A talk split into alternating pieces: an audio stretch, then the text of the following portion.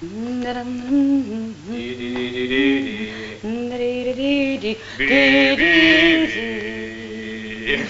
ba ba ba ba.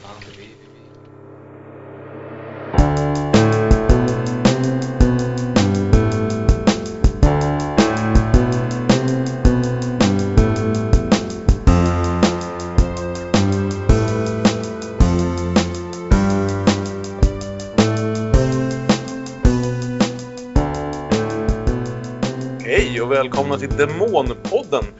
Podden där vi tittar oss hela vägen genom Ingmar Bergmans flesta filmer under året 2019. Vi har samlats här den här veckan för att prata framförallt om Ingmar Bergmans Sommaren med Monica från 1953. Och vi som pratar är jag, Kalle Färm, och med mig som alltid Björn Waller Hallå. och Aron Eriksson. Hallå.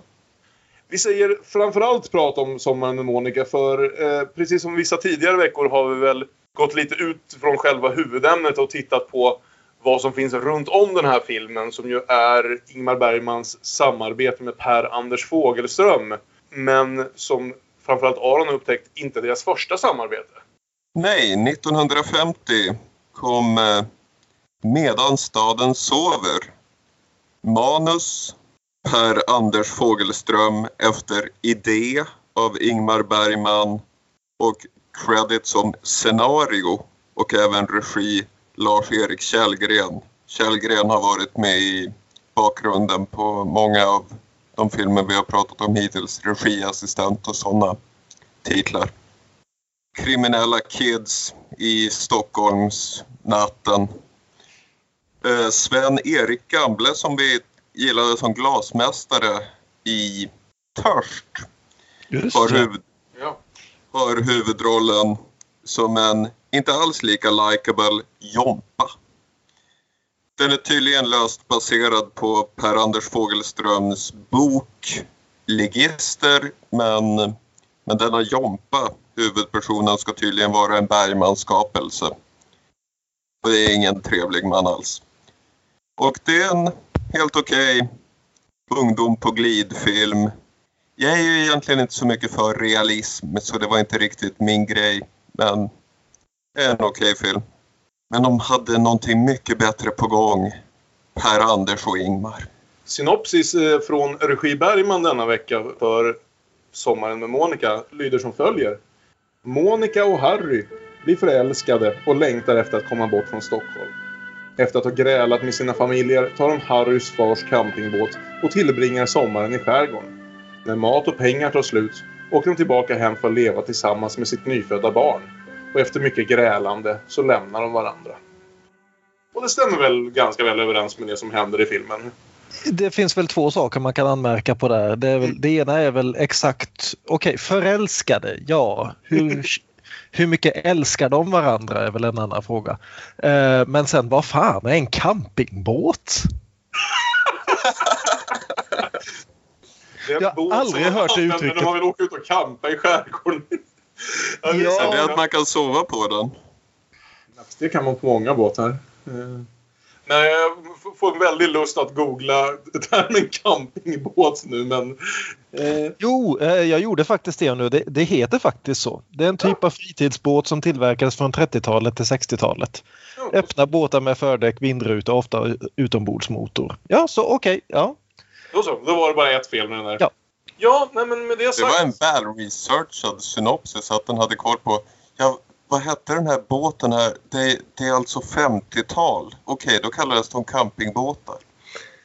Ja, som sagt, Sommaren med Monica kom ju 1953. Och hur är det nu? Den var ett manus först och en bok sen. Lite som eh, 2001 ett rymdäventyr. Eller? Bergman pratar ju om det här i den här introduktionen till filmen han gjorde för SVT för ett gäng år sedan. 15 år sedan ungefär. Mm. Där han också avslöjar att eh, Sommaren med Monica var den första film han såg på DVD. Och då pratar han det om att han hade sprungit ihop med eh, Fogelström och eh, frågade honom vad han höll på med just nu och han sa jag håller på att skriva en roman om eh, två unga människor som har sunkiga jobb på varsitt håll. Och då föreslog Bergman att det kan ju bli en riktigt bra film, kan du skriva ett, ett manus av den också? Ja, visst, sa Fogelström. Så vad jag fattar så skrev han manuset och romanen parallellt. Återigen, li, li, lite grann som 2001. Så romanen han komma ut först men eh, manuset var alltid en del av paketet så att säga. Filmen och, blev ju lite senare lagd på grund av den här strejken. Ja, plus att Bergman nämnde det att SF var inte helt eh, förtjusta i idén. Citat, det vart ett jävla hallå filmen ansågs opassande, omoralisk, sånt här vill folk inte se. Men då sa jag att det kommer att bli en väldigt billig film. Vi reser ut i skärgården och ni ser inte röken av oss på sex veckor. När vi kommer tillbaka har vi gjort en film. Och sen fick han göra filmen. Och det gick ju ganska hyfsat. Ja, på tal om de här introduktionerna av, som Bergman gör så är det ju så. Vi sitter och ser de här filmerna huvudsakligen utifrån två stora Bergman-boxar som släpptes förra året när gubben fyllde 100. Ni sitter väl med samma box från Studio S, den svenska utgåvan som innehåller ett gäng DVD-skivor och som inkluderar nästan alla de här tidigare filmerna va? Om jag mm. förstår det hela rätt. Ja. Medan jag i min tur sitter med den amerikanska boxen från eh, The Criterion Collection som har ett lite annat urval av filmer. Den saknar några av de tidiga, den har lite fler av de senare. Eh, Criterion Collection som företag är ju välkänt för att ha, om inte jämt jättemycket, så i alla fall ganska högkvalitativt extra material. Men hittills i den här Bergman-titeln så har de inte haft det. Det har snarare varit en total avsaknad på det för alla de här tidiga filmerna. Så det här är den första filmen vi tittar på där Criterion faktiskt har gått in och grävt upp en del eh, vad heter det, guld. Bortsett från att den här introduktionen från Bergman finns med även där så finns det med en väldigt charmerande intervju med Harriet Andersson gjord på engelska av eh, Peter Cowie som väl internationellt sett är den största Bergman-kännaren. Det är han som gör de flesta av Criterions kommentarspår och så vidare. Så han dyker upp ganska mycket om man börjar läsa på om Bergman på andra språk än svenska. Så han intervjuade Harriet för filmens 60-årsdag, alltså inspelat år 2012 eller 2013. Harriet är väldigt duktig på att prata engelska, särskilt för en dam av sin ålder. Även om hon eh, drar sig till med lite svengelska uttryck här och där. Man märker att hon söker lite efter orden och sådär. Men det är en väldigt gullig, charmig intervju. De spelade in den här filmen, Bergman och Harriet. Och direkt när filminspelningen var klar så tyckte Ingmar att det var läge att försöka charmera den här unga damen. De var väl ungefär 15 års eh, åldersskillnad mellan dem. Så hon berättar historien om första gången som Ingmar försökte kyssa henne. Och han hade bjudit upp henne på fika efter att filmen var klar under premissen att han skulle berätta om hur nöjd han var om de hade något nytt projekt på gång och så vidare. Och så eh, försökte han väldigt taffligt småpussa henne lite grann. Varpå hon nästan blev lite förnärmad och tyckte han var lite smålöjlig för hon förstod ju vad som var på gång här. Så hon eh, gav honom en riktig, vad ska jag säga, mer hångelaktig kyss. Och här så saknade Harriet orden orden på engelska och går över till svenska och sa. Så jag sa till honom, står du inte pall för en slät va? för Bergman blev så tafatt av det här att det var den unga damen i fråga som fick ta överhanden i det här i den här första kyssen så att han blev alldeles blek och lite blyg och, och tafflig och sådär. Och det tyckte jag var en väldigt gullig historia.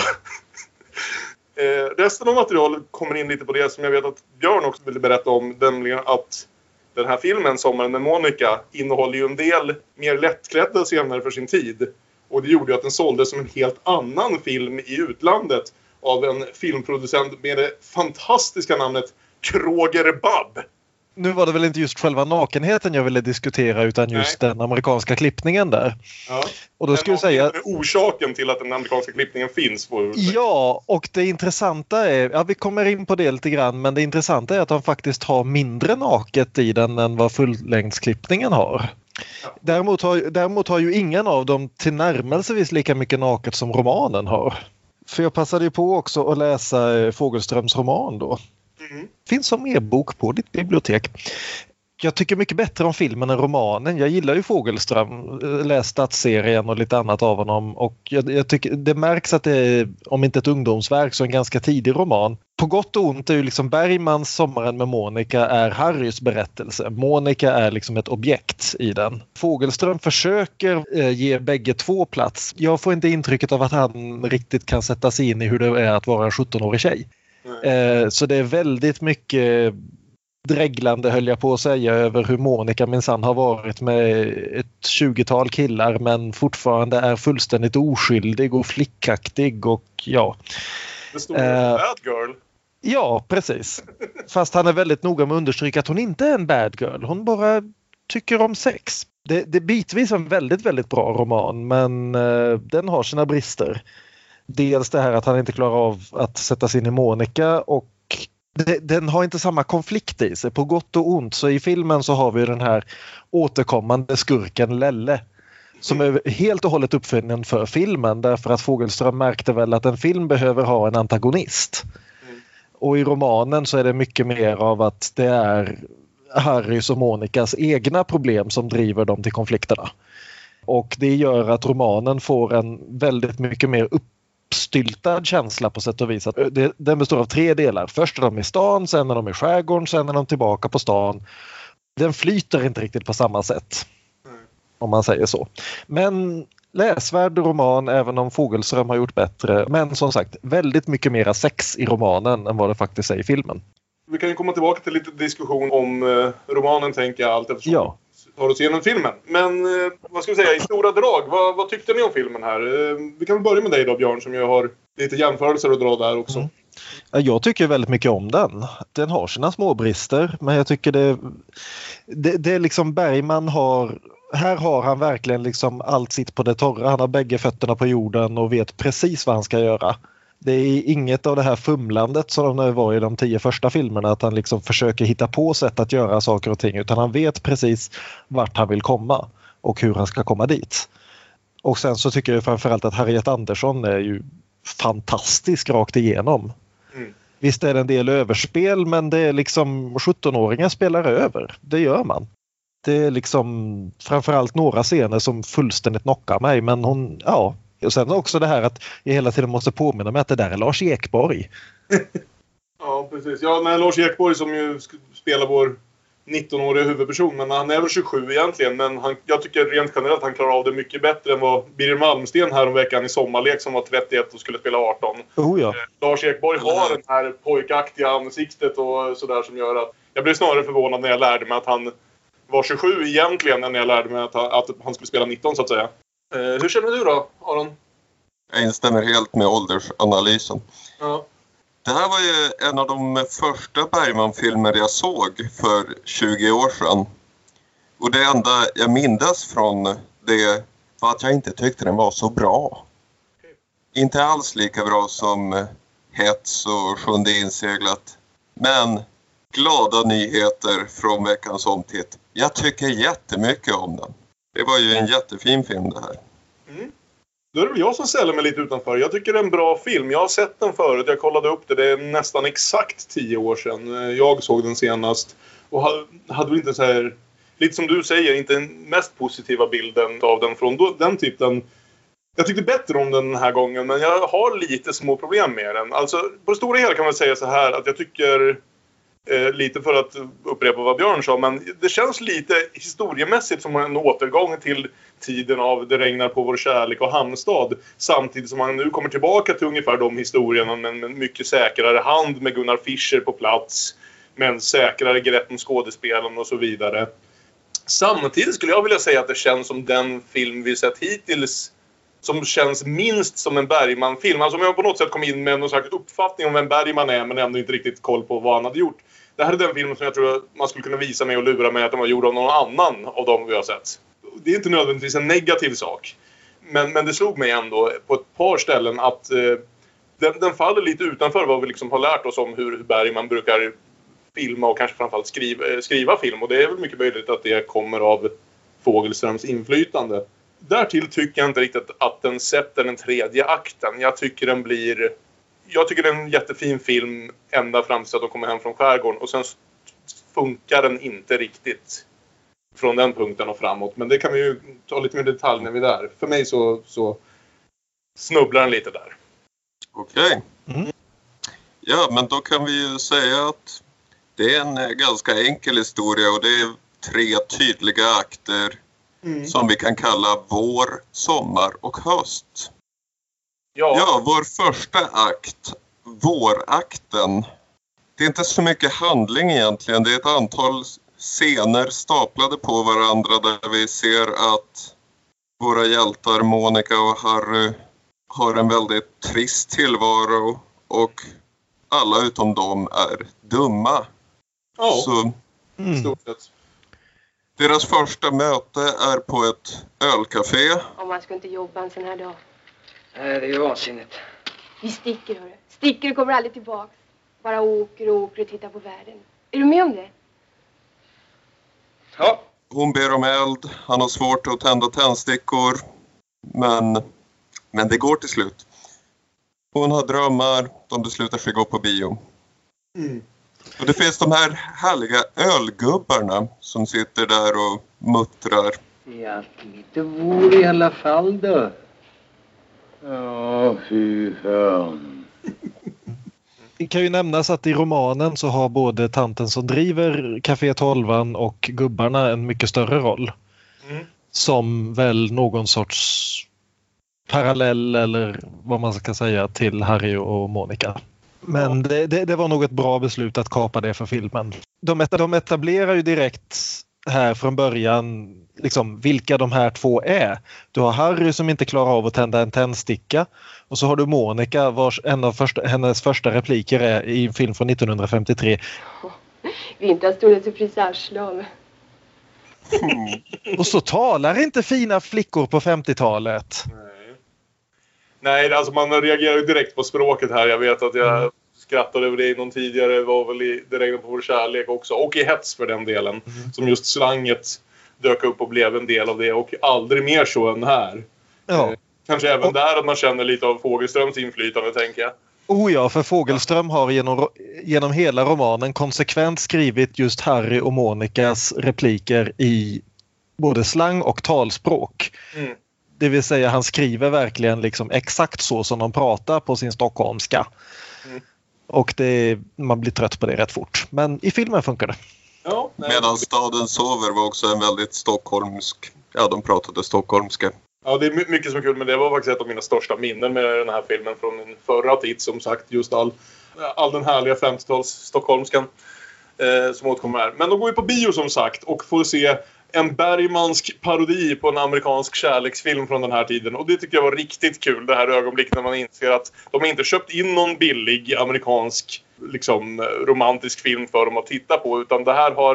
Det är inte som när de gick och tittade på Nils Poppe utan, eh, i Hamnstad. Utan det här är något som Bergman har skapat själv för att, för att peka finger åt jänkarna och deras överdramatiska syn på romantik. Och för att ställa det i direkt kontrast till det vi ska komma och se här och nu. We may never see each other again. Oh. Farewell, Och då kan vi notera också att eh, huvudrollen i den här inom kaninören amerikanska filmen eh, alltså spelas av Kjell Nordenskjöld som vi känner igen som Martas amerikanska fästman från Kvinnors väntan. Så han hade tydligen en, en, under några år där en fast roll hos Bergman med att spela amerikaner. God spaning, Björn det jag tänkte komma fram till lite förut också, att det är till skillnad från de kanske flesta av Bergmans tidigare filmer här, en väldigt, väldigt fokuserad film. Den handlar om Harry och den handlar om Monica och eh, de flesta sidokaraktärer gör sig ej besvär. Vilket jag kan tycka är lite uppfriskande. Han har ju haft en viss tendens att, vilket jag också gillar, men att landa i att ge var och varannan sidokaraktär eh, sin egen monolog som ska visa hur de minsann ser på den här saken och det här livet. Och det händer inte här, utan det som då händer istället är att vi får en bunt eh, Bergman-skådisar som vi känner igen från tidigare, tidigare roller oavsett det är eh, Bengt Eklund eller Mm. om det är Torsten Liljekron eller så som bokstavligen talat bara står i bakgrunden och knappt har en Ja. replik. Ja, Be- Be- Bengt Eklund får ju återigen spela sitt patenterade vider. Ja. Det, det är ju han, han som försöker brotta ner eh, Monica inne på lagret där. Och ja, Ja. det, det, är liksom, det känns som han kan den rollen. Det är liksom, Bergman ringde honom. Du, kan du komma in och göra en roll på en förmiddag här? Ja, vad, vill du ha där? Ja, det är vanliga. ja. Även, även Ja, vi ser att Monica har inte så roligt på jobbet. De manliga kollegorna är, ja, de är dumma och dummast är Bengt Eklund. Harry har inte ett kul jobb han heller.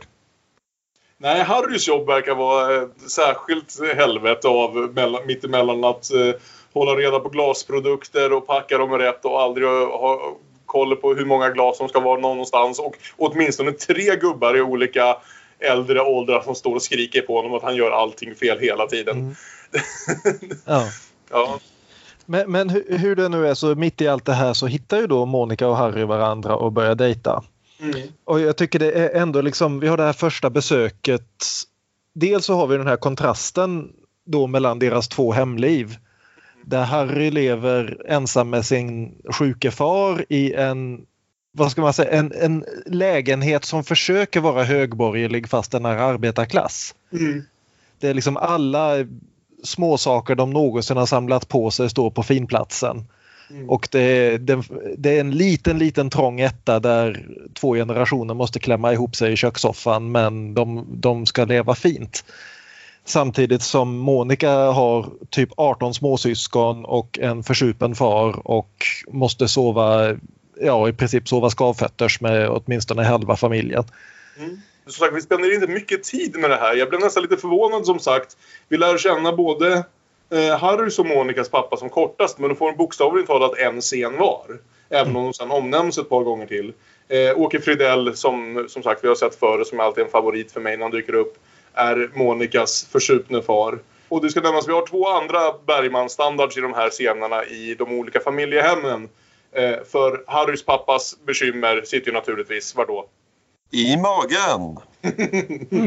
Och eh, vi får en återkomst till det här tidigare från, från vad heter det, Det regnar på vår kärlek med barn som inte kan spela instrument. När, när Monikas 12 eller 13 yngre bröder bestämmer sig för att spela trumpet för att jävla så mycket som möjligt med. Eller leksakstrumpet ska jag väl säga. Det låter besynnerligt mycket som ljudeffekten av en polisbil i sådana här filmer. Mm. Ljudarbetet förresten var någonting jag tänkte på filmen igenom. Att det är det som där inte riktigt, vad ska vi säga, proffsigheten har hängt med. För den är fruktansvärt snyggt filmad, den är fruktansvärt eh, väl spelad för det mesta och så vidare. Va? Ljudeffektsarbete hade inte riktigt nått sin topp 1953. Det är väldigt mycket någon ställer en kopp på bordet och helt plötsligt låter det som att huset håller på att ramla ner.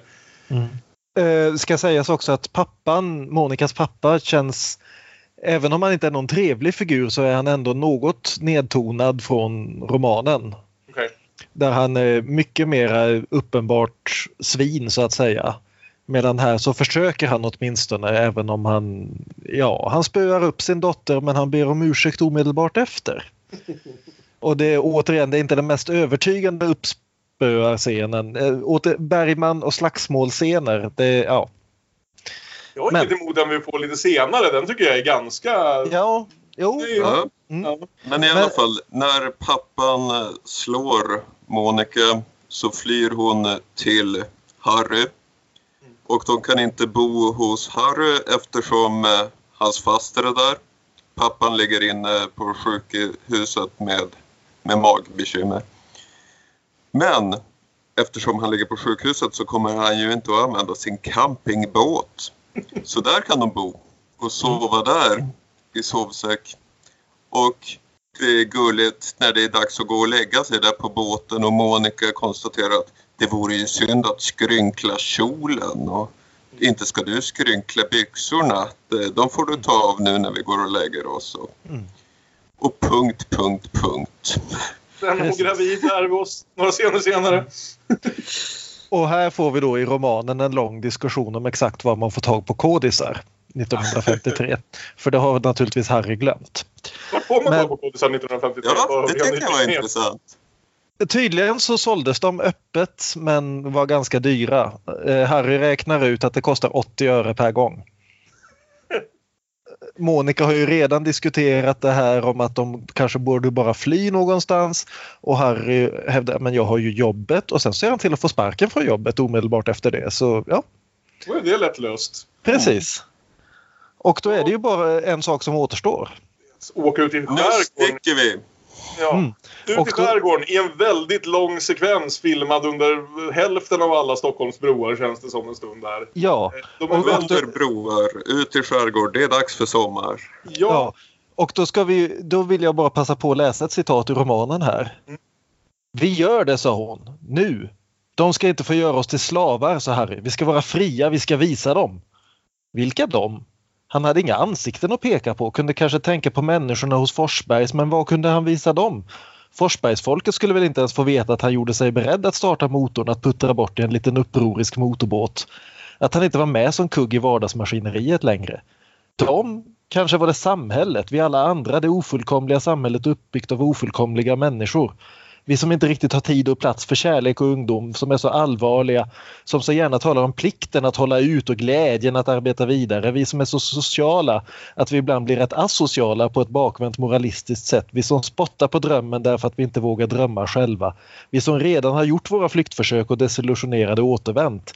Vi som skuldmedvetet blundar när upprorets lilla motorbåt pustar ut små grå moln genom avgasningsröret. Och det här anknyter ju rätt bra också till den förra filmen.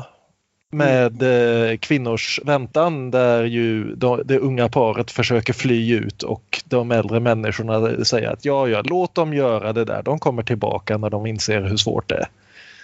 Men det här paret får i alla fall igång båtmotorn. Precis.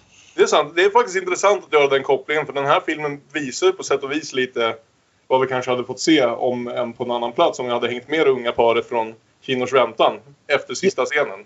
Överhuvudtaget så tycker jag liksom att den här Sommarlek och Kvinnors väntan blir en väldigt fin liten trilogi. Skärgårdstrilogin. Precis. En sak som vi glömde nämna i vår, innan det blir, i vårdelen innan det blir sommar på riktigt. Det är ju att vi faktiskt, om än kortfattat, introduceras för denne Lelle. Filmens antagonist. Eh, John Harrison i en tidig roll. Vi får inte direkt någon förklaring om vem det är förutom att det är någon som Monica haft ihop det med tidigare. Eh, men vid något läge spöar han i alla fall upp eh, Harry i en, eh, i en gränd någonstans. Det här är en dum person att hålla ögonen på. Hur som helst, ut i båten. Långt montage. Alla Stockholms broar ska åkas under tills man äntligen når ut i Stockholms vackra skärgård. Och väl där ute så möts de ju till en början av den här idyllen. Den idyllen som känns igen ganska väl från, från scenerna med eh, Birger Malmsten och Maj-Britt Nilsson i Sommarlek. Och vi får nakenbad. Ja! Den mest berömda scenen skulle jag väl vilja säga. Den som har återkommit gång på gång nu när man har tittat på en del eh, Bergman-dokumentärer här. Både Jane Magnussons Bergman ett liv i fyra akter och sen alla de här intervjuerna med Harriet på, på Sommaren med Monica-skivan och sådär. Jag har sett det där nakenbadet gissningsvis ett dussin gånger den senaste veckan. Mm. En av grejerna från eh, den amerikanska klippningen. Jag nämnde det att det är mindre naket i den amerikanska klippningen. Jo, men det beror helt enkelt på att de klipper den mycket mer suggestivt. Att i Bergmans klippning så är det det att Monica klär av sig naken och så sitter de och, och håller i varandra en liten stund sen springer hon iväg och nakenbadar.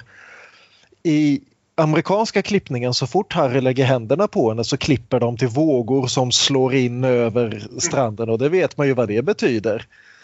Och därefter klipper de direkt till Monica som sitter i den här pölen och vaskar av sig. De ger oss mindre naket men mera sex. Ja, intressant. Och också blir ju effekten att man får sitta igenom hela filmen och vänta på att få se denna rumpa.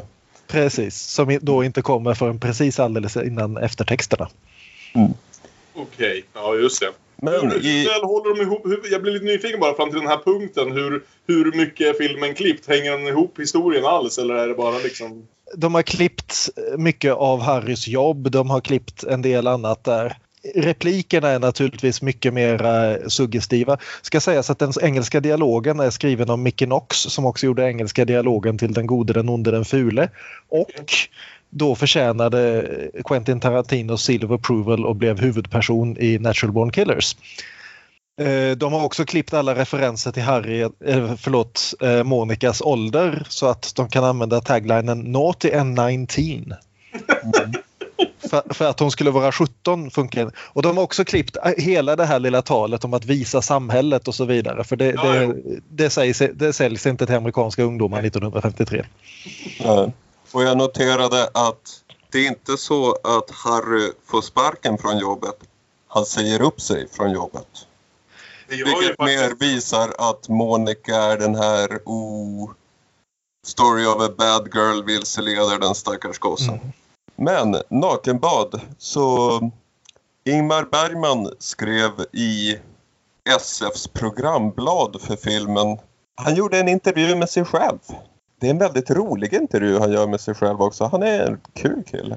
Ja, det, det, det, det togs upp i den här Harriet-dokumentären också. Just den här bilden av Ingmar som eh, mörk svensk eh, dramatisk regissör som framförallt kanske de i utlandet hade men säkert en del här hemma också. Och just det faktum att han var den som var, som var först med att dra dåliga snuskskämt under inspelningarna och skratta mer än de flesta andra. Bara det att han har väldigt lätt att liksom vända på en, eh, på en femma och direkt slå över och bli väldigt allvarlig direkt. Det var något som irriterade honom. Sen, så det, det kunde vara kul på Bergman-inspelningar så länge som det var på hans villkor. Karaktären redaktören i den här intervjun frågar regissören om filmen. Det förekommer efter vad jag har hört det i svensk film obligatoriska nakenbadet.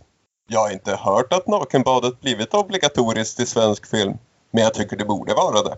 Aha! I ett land vars klimat sällan ger anledning till annat än karbad, isbad eller finsk bastu utom möjligen en eller två gånger på året, borde vi genom filmens försorg bibringas illusionen av att det gives någon idyllisk nejd där välskapta unga flickor plaskar omkring som Gud skapat dem utan att få gåshud ända ner mellan tårna. Så nakenbadet i herr Bergmans film har icke framprovocerats av produktionsledningen. Dr. Dymling har inte haft något att invända mot dessa scener. Per-Anders Fogelström har funnit dem vara i bokens anda. Vi tyckte faktiskt det var ganska roligt att göra dem. Utom kanske Harriet Andersson, som frös fast ideligen och fick sågas och eldas loss, men som offrade sig för konsten. Äh. Bergman var kul när han pratade med sig själv. Mm. Han gav sig själv alla de bästa replikerna. Ja. Och det, det är väl här som det är svårt att sammanfatta någon sorts handling också för det händer inte så väldigt mycket de närmaste 20 minuterna i filmen utan det badas naket och det hånglas på kobbar och det, ja, Åker och dansar, han kan inte dansa så bra. nej precis. Så de dansar ensamma på en brygga. där. Ja, och sen är det mest, vad ska vi säga, det som känns mest typisk film av det här är väl att Lelle av någon jäkla anledning befinner sig ute på den här, exakt den här dansen i skärgården. Vilket känns smått ologiskt. Och ser dem och får ont uppsåt.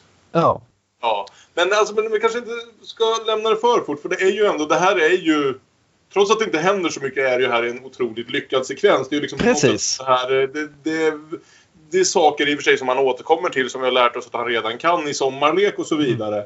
Men han är väldigt... Det är det här jag pratade lite om i sommarlek. Det är kul att se Bergman försöka liksom frambringa eller visualisera faktisk glädje och lycka om än bara för korta stunder på riktigt. För han är ju, Mm. tänker ju så ofta på honom som att bara handla om demoner och ångest och olycka. Så han är en väldigt, väldigt duktig skildrare av det här även om man alltid vet att liksom, de mörka molnen hopas bakom dem. Samtidigt som allt det här pågår. Men det, det är en eh, charmerande och, och vacker sekvens allt som allt. Inte bara Ja, på grund av nakenbanandet. Ja, visst. Och det är också, han, här använder han ju mycket bättre det som han prövade på i Kvinnors väntan förra veckan. Eller ja, det var väl mer än en vecka mellan filmerna. Men eh, just det här att göra, berätta en historia utan någon faktisk dialog alls. Mm. Det är långa, långa, långa sträckor utan att skådisarna behöver öppna munnen så att säga. Det, det, är liksom, det är ingen text. Det är bara kameran, två skådisar, sommarvarma klippor och vågor. Och det är så himla snyggt gjort. Mm. Men överhuvudtaget hittills i den här filmen och i resten av den, håller ni inte med mig lite grann om att den här dialogen, dialogen rent generellt känns betydligt mindre Bergmansk, kanske något mer Fågelströmsk. Jag tycker liksom man, man har ju något sätt lärt känna vid det här laget hur Ingmar tenderar att skriva sina karaktärer. Och, och det finns tillfällen när de får de här självmedvetna monologerna nästan som på, om de var på, tillbaka på teaterscenen. Va? Men det är liksom minimalt i jämförelse med hur vi har haft det på sistone. Ja, men som sagt det är ju inte sådär väldigt mycket dialog. Eh, Det närmaste du kommer när Bergman och Fogelström verkligen gifts ihop här det är ju just den här eh, dialogen på klipporna där de pratar om två olika sorters ensamhet. Jag var alltid så ensam på något sätt. Min mamma blev sjuk när jag bara var fem år. Så var hon sjuk tills hon dog. Jag var åtta då. Farsan han blev nog lite konstigare där tror jag. Han blev så tyst. Han kunde hemma ensam han och jag om kvällarna och ingen sa någonting. Vi bara satt. Jag har aldrig varit ensam. Vet, vi är så många hemma. Småungarna de bråkar och förstör allting. Farsan han övar. Är på snusen och kommer hem och bråkar. Ibland slåss han. Fast han är rätt kul med. så yttrar Harry också orden som jag tänkte att jag undrar om var och varannan ung man i, i, i det svenska samhället, i alla fall från vissa ekonomiska klasser, har tänkt eller sagt det här vid något tillfälle. Nämligen, Jag tänkte börja plugga om kvällarna. Man kan bli någon sorts ingenjör om man håller på tillräckligt länge. Ja. Ja. jag kände igen mig ganska otroligt väl i det. Ja. Eh, där då Monica också avslöjar att hon tror att hon är gravid. Och de måste börja prata om framtiden. Och det är ju definitivt mer Fågelström än vad det är Bergman. Mm. Trots att Fågelström faktiskt inte alls pratar lika mycket om det i romanen. För där är de mycket mera liksom in denial över att de någonsin behöver återvända utan då vill de liksom bosätta sig ute i havsbandet och leva på räkor.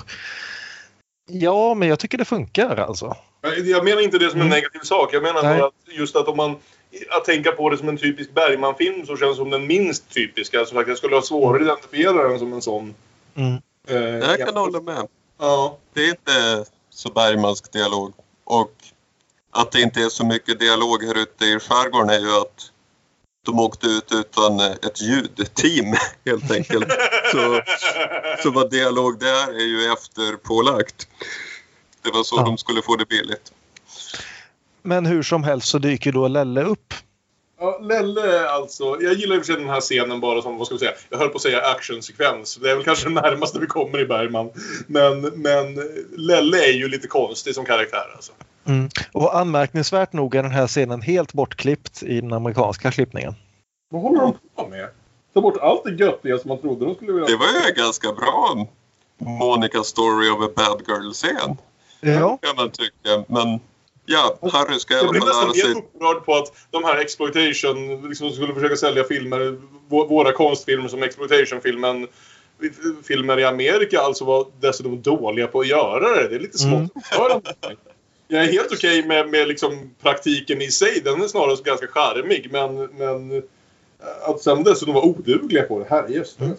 Men hur som helst. Monica och Harry lallar runt, han ska lära sig dansa, så hittar Lelle båten deras och börjar kasta ut deras grejer i vattnet och sätter eld på grejerna helt enkelt. Lelle är dum. Ja, och, och Lelle är totalt jävla ouppbyggd förutom Lelle är dum. Han, du sa att han inte ens finns, finns i boken. Det förekommer ett par av Monikas pojkvänner. Jag tror han är någon sorts komposit av dem. Men ingen av dem har en så stor roll som Lelle har här. Nej, och Lelle har ju knappt mycket roll här heller. Han är någon som, är, som spöar upp vad heter det, Harry först in i Stockholm och sen till synes nästan magiskt dyker upp i skärgården och bestämmer sig och är så arg att han vill tända eld. Jag är inte säker på att Lelle har mer än två repliker i den här filmen. Mm. Det, det sitter lite fel hos mig. Det är lite konstigt. Det känns lite konstlat. Även om jag sen som sagt i sig tycker att för att vara en Bergmansk slagsmålsscen är den här ändå i alla fall lite spännande. Inte Ja, det blir ju slagsmål för eh, de kommer på honom och Lelle tar ju ledningen för vi har ju sett att han är bättre än Harry på att slåss. Mm. Men Monica kommer och klångar honom i skallen så han blir lite vimmelkantig. Med en gryta. Och Harry får då övertaget. Och när Lelle är mer eller mindre medvetslös, ligger i vattnet, så tänker Monica ta och mula den jäveln med en paddel. Men tack och lov stoppar Harry det i alla fall. Det hade varit lite väl grovt. Alltså, det talat, Monica håller ju fan på att mörda karln här. Och det är Ja. intressant eh, alltså karaktärs... Det, men det är i och för sig kanske det som mest bygger upp hur Monica ska förändras som karaktär i, när vi sen kommer in i den sista akten. Va? Den här lite ännu mörkare sidan än det vi än hittills har sett. För det, för det är ett ganska intressant karaktärsögonblick Mm. ändå. Som jag då antar inte finns i Fågelström om inte, om inte Mm. den här scenen finns. Nej, Eh, precis. Men den här scenen följs ju då av en annan scen som nog är min favorit i hela filmen. Nämligen när de bestämmer vi kan inte bara leva på kokt svamp. nej. Eller så, som det är i den amerikanska klippningen av någon anledning, kokta räkor. Ja, det konstaterar jag också. Jag vet, jag vet inte om, om Har de, ingen trodde att... Amer- svampkultur? Nej, uppenbarligen. Men hur som helst så beger sig då Monica iväg till en stuga och ska stjäla lite mat, bryter sig in i en potatiskällare och hämtar en hel stek. Hon åker fast och hon blir utskälld av folket som bor där och de ringer polisen och hon lyckas fly med steken. Och vi får den här fantastiska, väldigt spännande, liksom, det är en actionscen. Där hon far iväg genom lingonris och vass och alltihopa och längs vägen stannar upp och tar några tuggor av steken och fortsätter rusa. Det är, det är återigen, det är liksom, om inte riktigt skräckfilmsregissören Bergman så i alla fall thrillerregissören Bergman som kliver fram här. Här är ju verkligen liksom lite karaktärsutveckling också att den här eh, Monica som hittills nästan har förväntat sig att andra ska hämta saker åt henne. Det är liksom, hon är villig att göra saker för att ha det så som hon vill ha det. Eh, nej, jag, Monica har blivit lite förvildad eh, under den här Ver- sommaren. Hon är ju som ett verkligen. litet troll där bland de civiliserade. Mm. Och när hon springer med den här köttbiten och tar liksom en tugga ur den stora biten liksom i fläkten. Ja, det... Mm. Japp. Tarzan.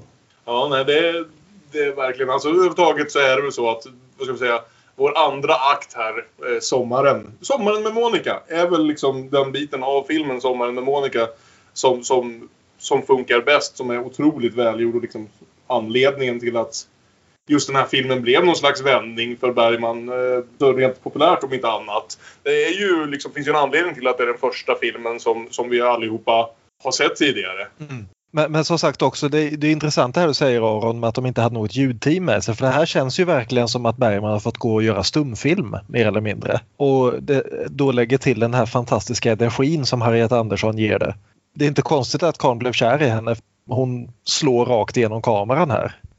En exteriörromans. Ja, och så den här, dessutom den här fina lilla bilden när hon stannar upp för att hämta andan i ett snår där och Bergman hittar ett spindelnät och zoomar in på. Som får shadowing inför vad som hända skall men också är bara det är lite grann samma som i, eh, i Törst. Mm. Just det här när Bergman liksom bara, plötsligt bara stannar. Men hörni, kolla vilken fin naturscen! Kan jag bara få filma den i 30 sekunder? Ja, och jag gillade även innan där samma sekvens men hon faktiskt är, vad ska vi säga, tillfångatagen av den här familjen som ska ringa polisen och så vidare. Just det här att den unga dottern i familjen försöker, hon försöker vara vänlig mot Monica i den här liksom svåra stunden och känna sig med henne och undra lite hur det är hon har det och hur det står fatt när man har drivits till den punkten att man måste stjäla stek ur källaren hos en, hos en annan familj. Och Monica helt slår ifrån sig allt det här liksom. Här har det ju verkligen vänt för, för Harry och Monica. De kan in, nog inte leva ute i skärgården resten av sitt liv.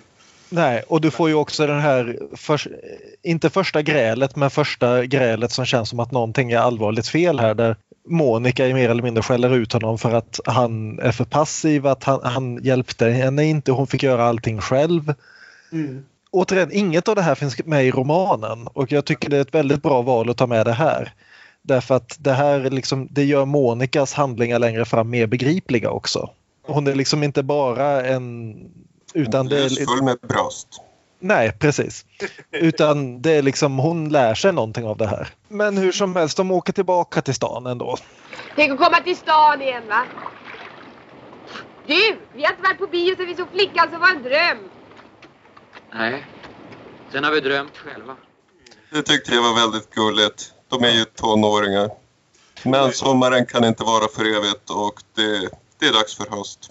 Ja, och det är den här riktigt fina scenen ändå när de kör mer eller mindre i liksom baklänges när de åkte ut ur stan men också det här hur Bergman har filmat återinfarten här. Att först far de under en av de här höga broarna, jag minns inte exakt vilken bro det är. Sen så möter de en ångare som kommer emot dem med stor svart plym ut genom skorstenen. Sen passerar de oljecisternerna utanför Nacka. Och det är, liksom, det är verkligen att pang, bom, krafs, ja visst några höghus också. Och det är liksom, nu är du tillbaka i civilisationen med stort C.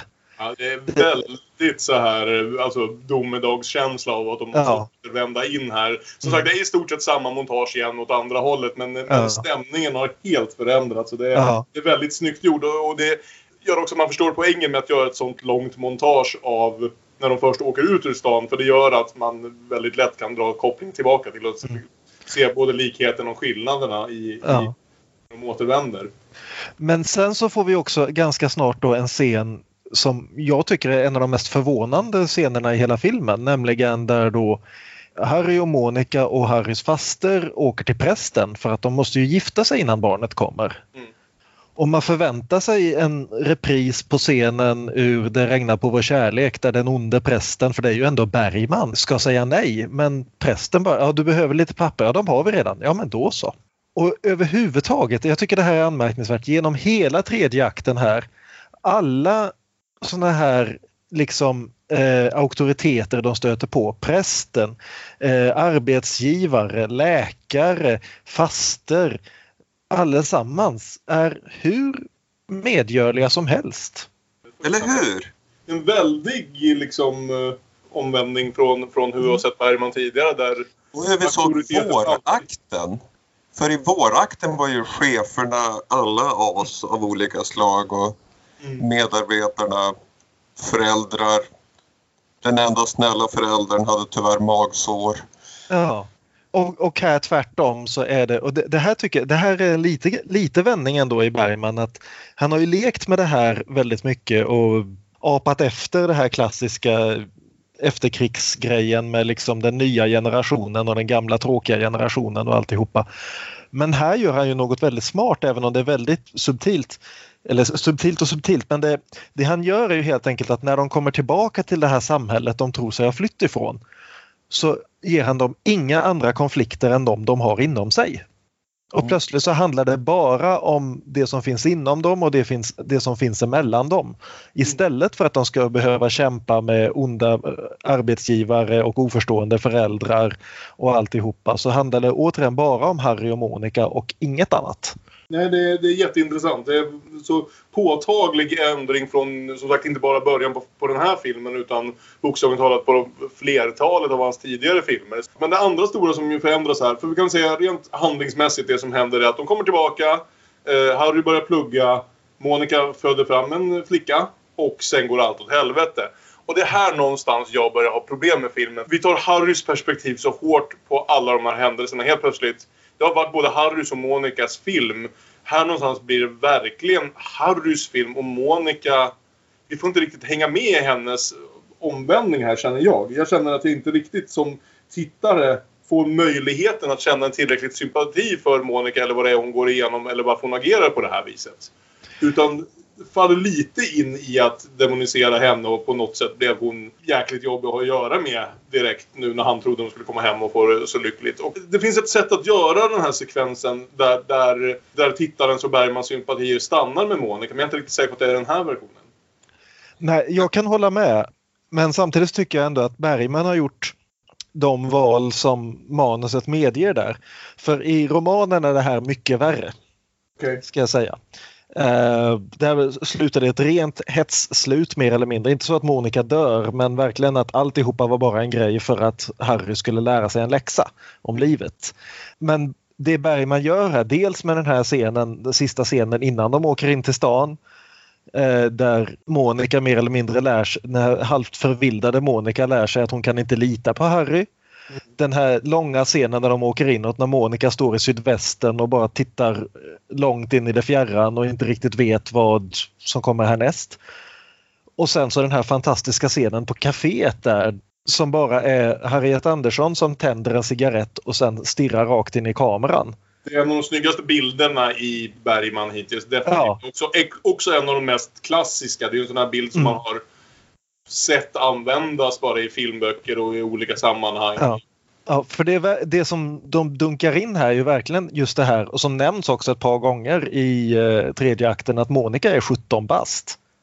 Hon, var, hon, hon signade inte upp för det här. Jag kan hålla med om att det blir väldigt Harrys perspektiv i lägenhetsscenerna när de eh, bråkar och föräldrar till unga får inte sova och blir tämligen irriterande av det. Allt det är ju Harrys perspektiv. Men just den här kaféscenen där Monica tittar in i kameran, jag tycker nästan den ger svar nog för jag, jag tycker den är så effektiv. Mm. Och vi kan ju passa på att höra vad Ingmar själv sa om den. Harriet Andersson är ett av de cinematografiska genierna. Man träffar bara på några sällsynta skimrande exemplar under den slingriga vägen genom branschens djungler. Och som ett exempel tar han upp just den här scenen. Under swingets dån vänder sig kameran mot Harriet. Hon flyttar blicken från sin partner rakt in i objektivet. Här etableras plötsligt och för första gången i filmhistorien en skamlös direktkontakt med åskådaren. Så det var han rätt nöjd med. Och jag måste... Ja, Ja, Och, och Peter Cow i den här intervjun med, med Harriet som ligger på Criterion-utgåvan nämner just att den här scenen, kanske inte mer än någon annan, men det är en, absolut en av de scenerna och en av de filmbilderna som mest av allt inspirerade hela liksom, franska nya vågen och i hur de vågade göra det.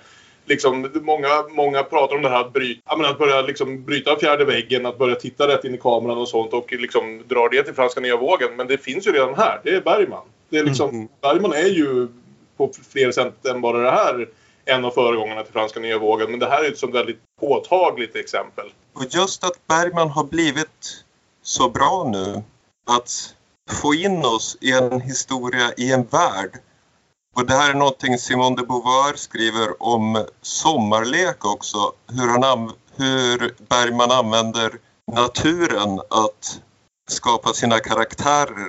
Så att vi identifierar oss, vi lever oss med inte bara i karaktären utan i hela världen.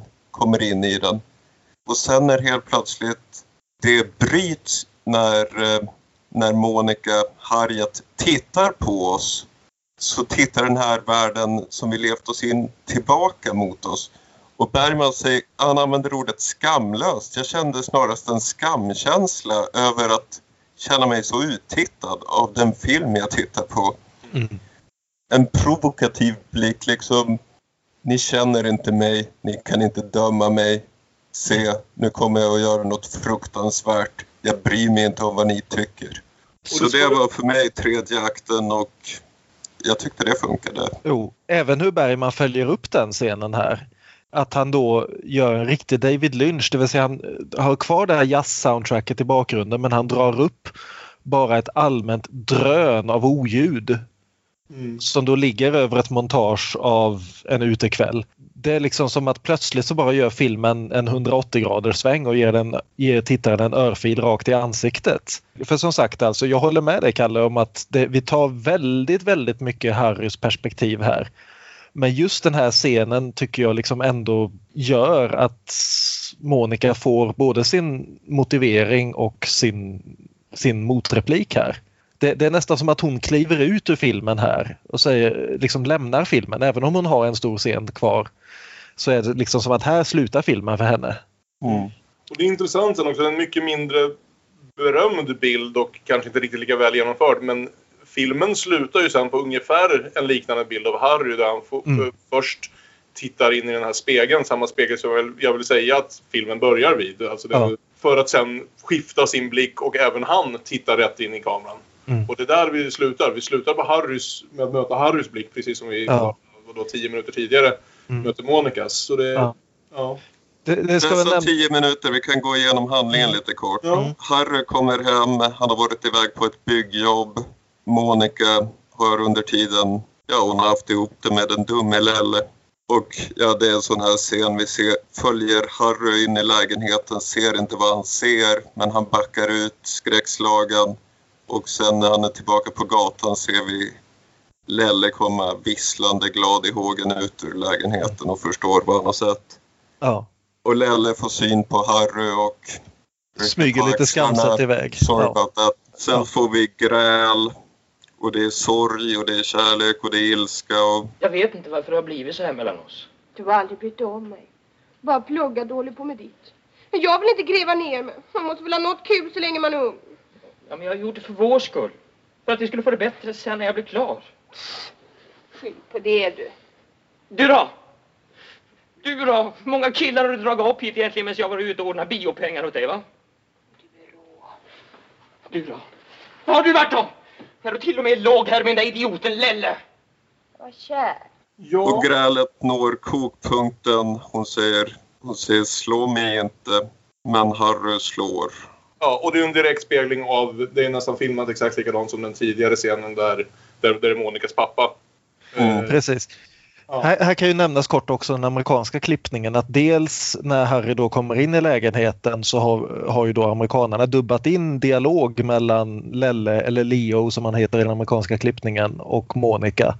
Som i princip går ut på att Monica förklarar att ja men den där dumme karln jag har han ger mig inte vad jag behöver. Och Leo lovar att du ska få allting du behöver om bara jag får vad jag behöver. Och, ja. Det, är ganska stolpigt naturligtvis men en intressantare replik det är att just det här det, den repliken som verkligen utlöser Harrys raseri här.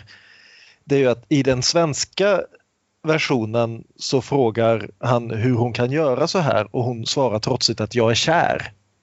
Men i den amerikanska, det som ska säljas till amerikanska tittare, där är den repliken som verkligen knäcker honom med He's a man. He's a man. Uh, ja, Ja, jag går med den svenska versionen där. Jag tycker den står lite hårdare. det gör nog det överlag. En scen som faktiskt är den som känns nästan mest traditionellt Bergmans för mig i hela filmen som vi råkade hoppa förbi lite här, jag ska bara nämna det snabbt. Det är ju den här på tåget på väg tillbaka in i Stockholm när han åker väl iväg i veckorna som vi förstår det här. mm. Harry och eh, pluggar och jobbar. Han återvänder in med tåget med sina, om det jobbar kompisar eller pluggarkompisar. Det känns som den mest övertydligt, nu ska vi ge lite tid till en sidokaraktär som får kommentera de här sakerna som Mm. vi aldrig lämnar över till huvudkaraktärerna. När en av de här ställer sig upp och skanderar om Stockholms skönhet. Det är fan vad stan är snygg i alla fall. Det kan inte alltid lika kul att se.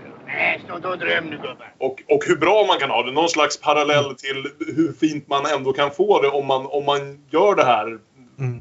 familjebyggandet, samhällsbyggandet, arbetslivet på, på rätt sätt. Det går att få det rätt. Men det sätts ju bara i direkt parallell till hur, hur Harry och Monica har klantat till det. Så Mm. det blir ganska bitterljuvt. Har vi något mer att säga om, om sommaren med Monica i... Ja, vi kan ju nämna igen när Harry ser sig i spegeln på slutet. Han blir ensam, eh, tar hand om dottern Jun, eller Lillminken som han föredrar att kalla henne. Men han ser sig i spegeln och han minns sommaren med Monica. Och hans blick in i kameran är mer någon slags, vad kunde jag ha gjort? Ni skulle ha gjort likadant. Jag ångrar ingenting. Ja, nej, jag håller med. Det är han som är hans sympatisökande.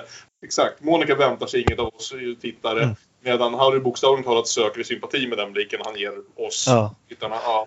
Och vi kan ju nämna det också den här lilla ganska övertydliga scenen där då eh, Harrys faster grälar med, med för det, det är ju de här de här eh, kafégubbarna vi såg i början, de kommer ju tillbaka i slutet som flyttgubbar och erbjuder sig att bära bort hela Harriets och, Mo- Harrys och Monikas bohag. Och de håller på att gräla på hur mycket pengar de ska ha för det här. Och det är liksom, ja, fem kronor. Ja, men bara den här lampan är värd 50. Ja, okej då, 7,50 och inte ett öre mer. Ja, det är en ganska klumpig scen, men jag gillar den ändå. Både för återknytningen till början och för att, som sagt, vi gillar de här Bergmanska sidokaraktärerna. ja, precis. Och vi har inte fått, fått så många av dem i just det här fallet. Mm. Så. Jag är inte jätteöverförtjust i den här filmen som helhet. Den har en jättefin sekvens här i mitten med liksom, ja, själva sommaren med Monica. Som jag gillar väldigt, väldigt mycket. Jag är inte riktigt lika säker på att jag är överförtjust i bitarna som utspelar sig i Stockholm. Så för mig är inte det här en av höjderna hittills, vilket väl är lite hävdelse någonstans. Det är ändå den första riktigt välkända och filmerna som Bergman regisserat. Det, det är lugnt Kalle, vi tycker om dig ändå. Du har, även när du har fel. Det- jag, Ja, jag jag, jag, tyckte ju själv samma sak för en vecka sedan så jag kommer ha fel väldigt mycket under resten av året här. Så. Eh, Men har ni några sista ord om Sommaren med Monica? Några fler jämförelser att göra med boken eller så nu när vi har gått igenom allt som händer i den? Eh, nej, jag tror jag har nämnt det mesta där. Eh, som sagt, läs gärna boken om inte annat så för att det är en riktigt fin Stockholmsskildring även om Fogelström ju har skrivit bättre sådana.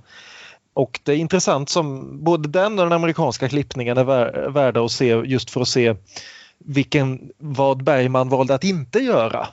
Han valde att inte gå in i all den här interna monologen. Han valde att inte fokusera allt för mycket på de sexscenerna som finns Även om de är ganska kyska med dagens mått mätt. Jo, det ska jag nämna. Det finns faktiskt, om man absolut vill se mer av Harriet Andersson naken så finns det typ två sekunder mer i den amerikanska klippningen. På ett annat ställe. Eh, Men annars så, ja. Och, och man bör också se den amerikanska klippningen bara för att höra hur de har dubbat Helan går.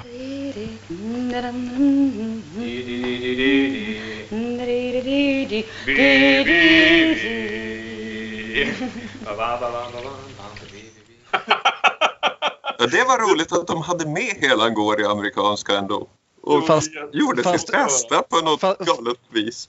Fast utan text. De liksom bara raj, raj, rajar igen. Ja, men jättefint. Ja, men med det så lämnar vi väl sommaren med Monica bakom oss och ser fram emot Gycklarnas afton nästa vecka. Men innan dess ska vi gå igenom vad det nu heter, Aron. Dubbelbull, dubbelspel, parhäst, filmfest. Vårt dubbelspel, vår dubbelbull, vår parhäst. Någonting vi vill para ihop med sommaren med Monica. Vad har ni valt för filmer den här veckan, gubbar? Eh, Aron, har du något, någon bra film som du rekommenderar att man ser? När man Jag har en toppenfilm. Och jag tänkte på det här ungdomar som flyr vuxensamhället. Kosta vad det kosta vill. Hittar en ö där de kan ha sin lilla utopi. Men så kommer vuxenvärlden och invaderar denna ö. Och det är Who can kill a child? Quien puede matar a un niño? Vem kan döda ett barn? Kärt barn har många namn. Från 1976. En fin, fin skräckfilm av Narciso Ebañez Serrador. Barnen har tagit över en ö.